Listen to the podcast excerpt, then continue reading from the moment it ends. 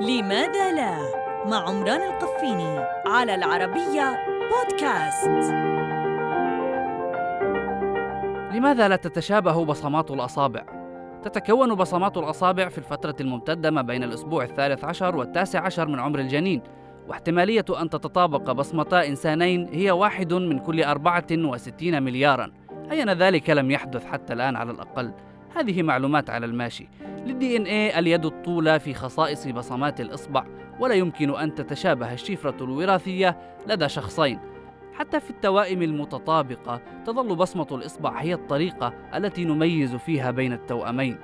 ذلك أن DNA لكلا التوأمين مختلفة بعض الاختلاف وليس ال DNA وحسب. فطول الحبل السري ونوع الغذاء الذي يصل الجنين والبيئة في رحم الأم كل ذلك يؤثر في شكل المفتاح الأشهر لحل الجرائم.